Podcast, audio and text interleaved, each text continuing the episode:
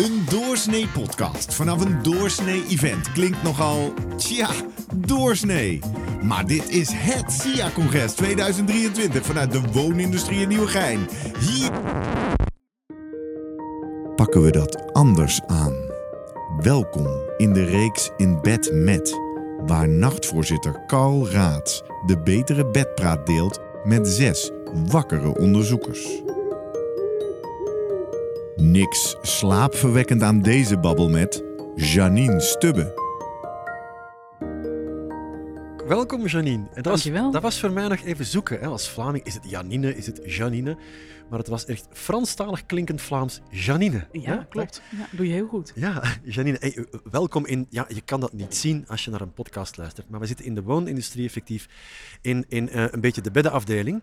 En dat mochten we niet laten liggen, dus we hebben gewoon de podcaststudio in het bed opgetuigd.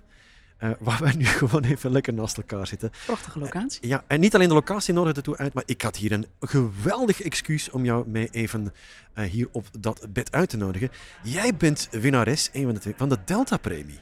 Ja, ongelooflijk hè. Ja, en dan denk ik, oh, oh eh, wacht, wacht, wie Janine, wat is een Delta-premie? Even beginnen bij het begin, komen we terug bij, bij die, bij die Delta-premie, want die is echt wel heel erg gaaf. Janine, je, je krijgt die niet zomaar omdat men vindt dat jij een leuk iemand bent. Jij, jij bent eh, lector-onderzoeker, maar vertel eens even aan mij van, ehm, ja, wat doe jij? Wie ben je dan precies? Ja, ik ben bewegingswetenschapper, dus hou me bezig met het menselijk lichaam, het bewegende menselijk lichaam. Ik ben begonnen in het sportonderzoek, blessurepreventie. En heb uiteindelijk bij Codarts Hogeschool voor de Kunsten in Rotterdam een lectoraat op het gebied van Performing Arts Medicine. Ik hou me daar bezig met de fysieke en mentale gezondheid van podiumkunstenaars. Dus dan hebben we het over dansers, muzici en circusartiesten. En ook eh, topsporters.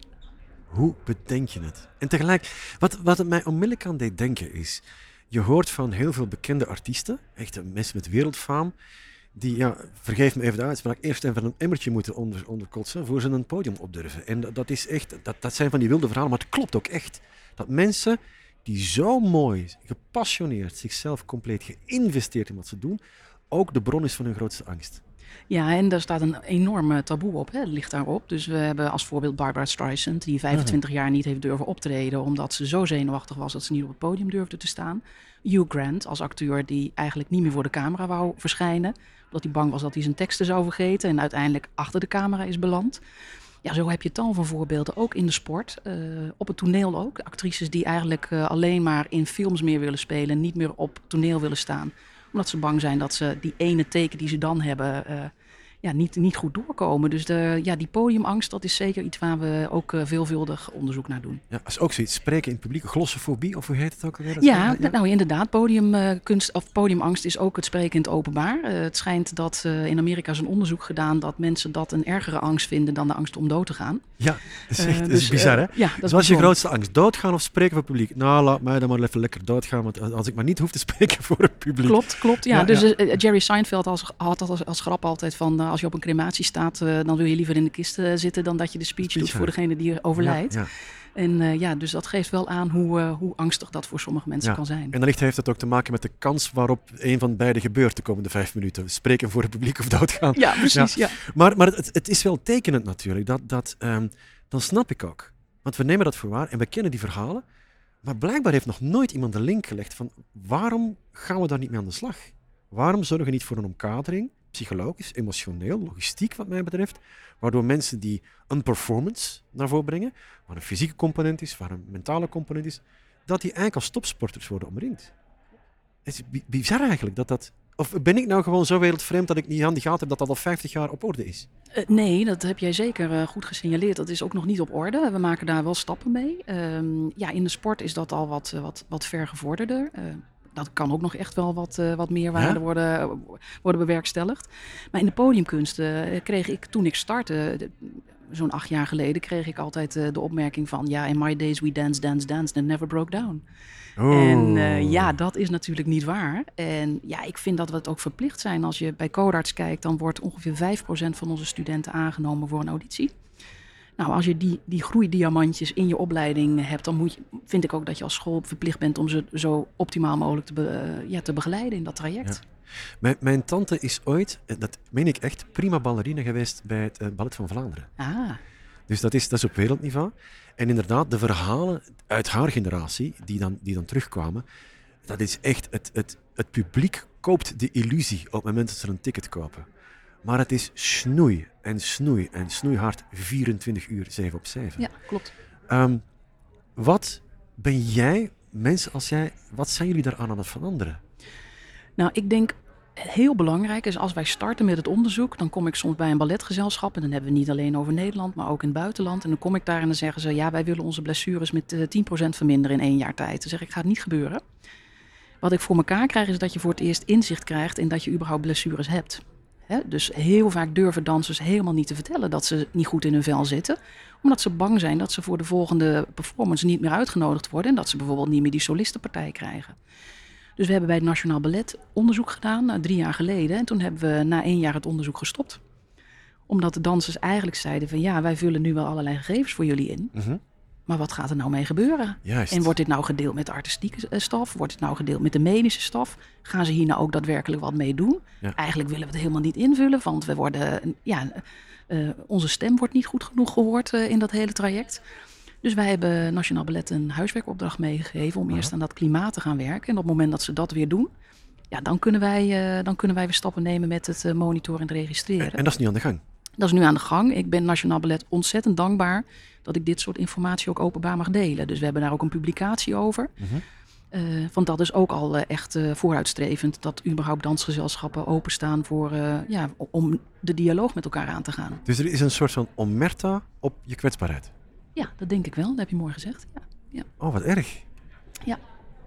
En inderdaad, ik snap heel goed de angst van, ja, maar wordt er dan, degene die dan zwijgt, wordt misschien voorgetrokken op degene die dan eerlijk is over zijn eigen fysieke of mentale toestand. We hebben hetzelfde gezien met roeien. Daar hebben we ook onderzoek gedaan. eh, in, in, in de fase na de voorselectie voor de roeiboten. En toen was iedereen top en topfit. En toen waren de mensen geselecteerd. En toen kwamen we een, een dag later om weer te monitoren. Die hele boot leeg, omdat iedereen geblesseerd was. Ja, daarin durfden mensen ook niet eerlijk aan te geven wat ze hadden. Dus vaak kun je ook in zo'n onderzoekstraject... Ja, het eerste jaar ben je je data gewoon kwijt. Want er wordt helemaal niet eerlijk aangegeven. Pas als je in Oh. gesprek gaat met elkaar... Niet alleen met je, met je sporters of je dansers of je circusartiesten of je muzici, maar ook met de staf eromheen. Dat is het moment dat je echt stappen gaat maken. Is, is dat een soort van, van, van thema dat je ziet terugkomen? Men wil Ja. dat eerst even Excel-sheet gewijs aanvliegen. Ja. Je gaat daar misschien op in, omdat je op voorhand weet, men moet eerst die ervaring hebben dat dit niet werkt, alvorens we echt dit gesprek kunnen aangaan. Klopt, klopt. Eigenlijk het eerste jaar is puur inzetten op eh, cultuurverandering. Be- daarmee bezig zijn, openheid van zaken creëren. Eh, dus dan doe je eigenlijk met de harde data nog veel minder. Dus dan zetten we vaak wat meer in op kwalitatieve analyses met focusgroepgesprekken. En later gaan we dat oppakken met eh, echt het monitoren. En zo'n opdrachtgever die wil eigenlijk al gisteren resultaten zien. Ja, absoluut. Ja, nou, dat kan met praktijkgericht onderzoek zijn we ook snel. Ja. Dus ik denk dat dat een groot voordeel is van praktijkgericht onderzoek. Dat je ook met die samenwerkingspartners heel erg op zoek gaat naar antwoorden op vragen die er leven. En dus ook snel antwoord geeft. Maar ja, eh, gisteren antwoord op, op, geven op de, op de vragen, dat is natuurlijk niet mogelijk. Maar we proberen dat wel echt stap voor stap eh, zo snel mogelijk eh, ja, relevant te maken voor onze samenwerkingspartners.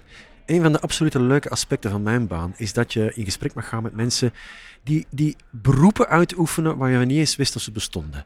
En ik vraag me dan altijd af, hoe ben je daar terechtgekomen? Was je dan zeven toen je...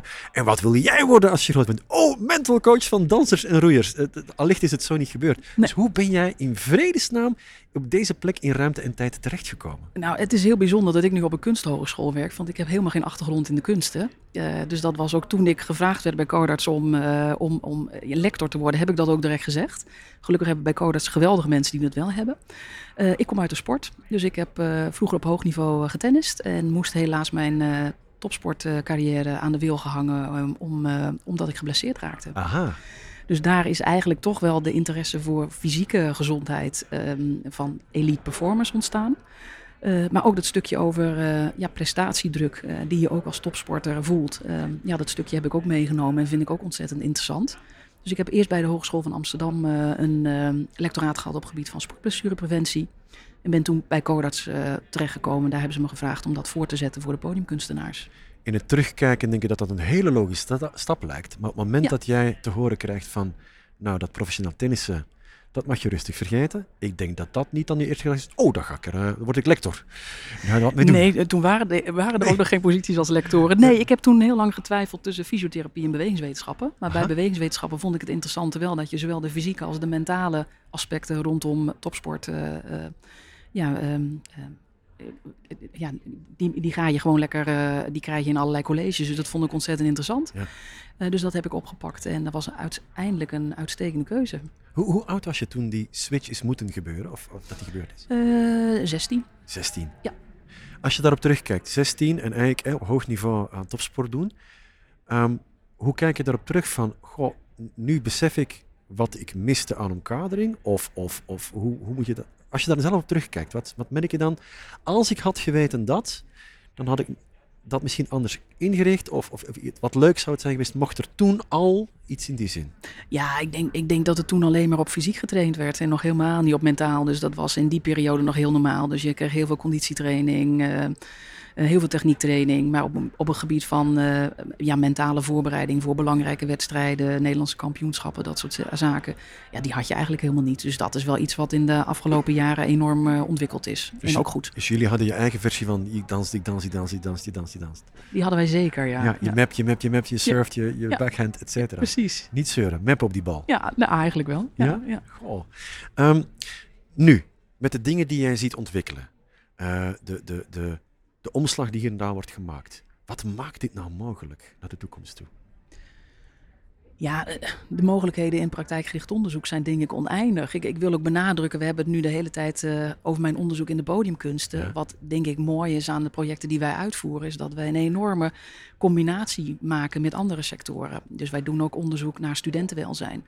We hebben uh, in Nederland de grootste monitor op dat vlak, um, uh, zowel binnen HBO als universitaire opleidingen monitoren wij het studentenwelzijn.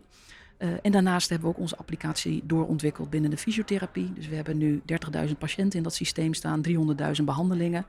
Dus ja, ik zie enorm veel mogelijkheden om de kennis die wij op dit moment gebruiken in een hele kleine niche, podiumkunsten, om die nog veel meer uh, ja, te gebruiken voor andere sectoren, andere domeinen. Ja, dat zijpelt echt zo door. Dat zijpelt, nou niet alleen zijpelt, het is één grote waterval op dit moment. Ja, dus dat is fantastisch. En niet alleen nationaal, maar ook internationaal. We hebben zeven Duitse dansgezelschappen die bijvoorbeeld gebruik maken van onze monitor aantal hogescholen in het buitenland die dat ook gebruiken. Dus ja, dat is fantastisch. Hoe reageren dan in dit geval even terug bij die podiumkunsten die dansers daar dan op, op het moment dat dat echt geïmplementeerd wordt? Ja, die dansers vinden het geweldig uh, dat er voor het eerst echt ook naar hun stem geluisterd wordt. En die hopen ook dat er eindelijk in, ja, in die hele begeleiding en in die hele cultuur toch zaken gaan veranderen. Um, ook omdat zij het liefst zo lang mogelijk door willen dansen. Ja. Dat moeten we niet vergeten. Ja. Dit zijn allemaal mensen die een passie hebben voor een vakgebied. En vaak op een 35ste moeten stoppen omdat hun lichaam op is. Hoe fantastisch zou het zijn dat als wij met deze monitor het voor elkaar krijgen om die dansers vijf of tien jaar langer te laten dansen. Mm -hmm. Ja, het is toch geweldig als je daar een bijdrage aan kunt leveren. Dus niet alleen heb, heb je een soort van goudader eh, getroffen van potentieel van wat hier allemaal mee kan. Maar je hebt ook gewoon die Delta-premie gekregen. Ja. Nou, gekregen, uh, oprecht toegekend gekregen. Uh, dat, is, dat is meteen een, een flinke mentale ondersteuning, maar ook een financiële. Uh, hoe zet hij nou de hefboom onder wat jij heel graag voor elkaar zou krijgen? Nou, wat we zien is dat we nu de afgelopen jaren met name op die healthy artist uh, hebben gericht. Hè? Dus echt op die gezondheidsaspecten van die podiumkunstenaar. Nou, we willen nu ook de slag maken, en dat doen we al bij Codarts, om ook te kijken hoe we die podiumkunsten in kunnen zetten om de gezondheid van de Nederlandse bevolking te verbeteren. En dat klinkt misschien heel vaag, dus dat wil ik ook. Kan nou, heel ambitieus ook ja. gewoon. Ja. Nou ja, dat mag ook met zo'n erkenning, denk ik. Ja. Daar moet je ook uh, ambitieus zijn. Maar we hebben bijvoorbeeld bij Codarts uh, een, een danstherapieopleiding. Nou, we zien dat dat uh, een interventie is die in de GGZ-instellingen nog weinig gebruikt worden. Dat gebeurt nu wel. Nou, daarin zie je dat patiënten vaak toch een wat meer cognitieve therapie aanpak krijgen. Terwijl juist danstherapie een hele mooie aanvulling daarop kan zijn. Omdat je dan moet bewegen. Je moet bezig met je lichaam. Je kunt je niet meer verschuilen achter woorden. Ja. Maar je moet echt met je therapeut aan de slag. En wij zien bij sommige uh, cliëntengroepen dat dat enorm goed werkt. Mm -hmm. En dat willen we verder gaan uitzetten en ook verder gaan onderbouwen, wetenschappelijk gezien. En helaas is dat een gebied waar nog weinig financiële middelen voor zijn. Dus het is fantastisch dat we daar ook de Delta-premie voor in kunnen zetten. Ja. En, en ook de ontdekking, dat mag maar eens eindelijk gebeuren, de erkenning hoe slim het lichaam eigenlijk is. Hè? Want dat weet al lang wat er aan de hand is, nog voor wij mentaal daar een beeld van hebben.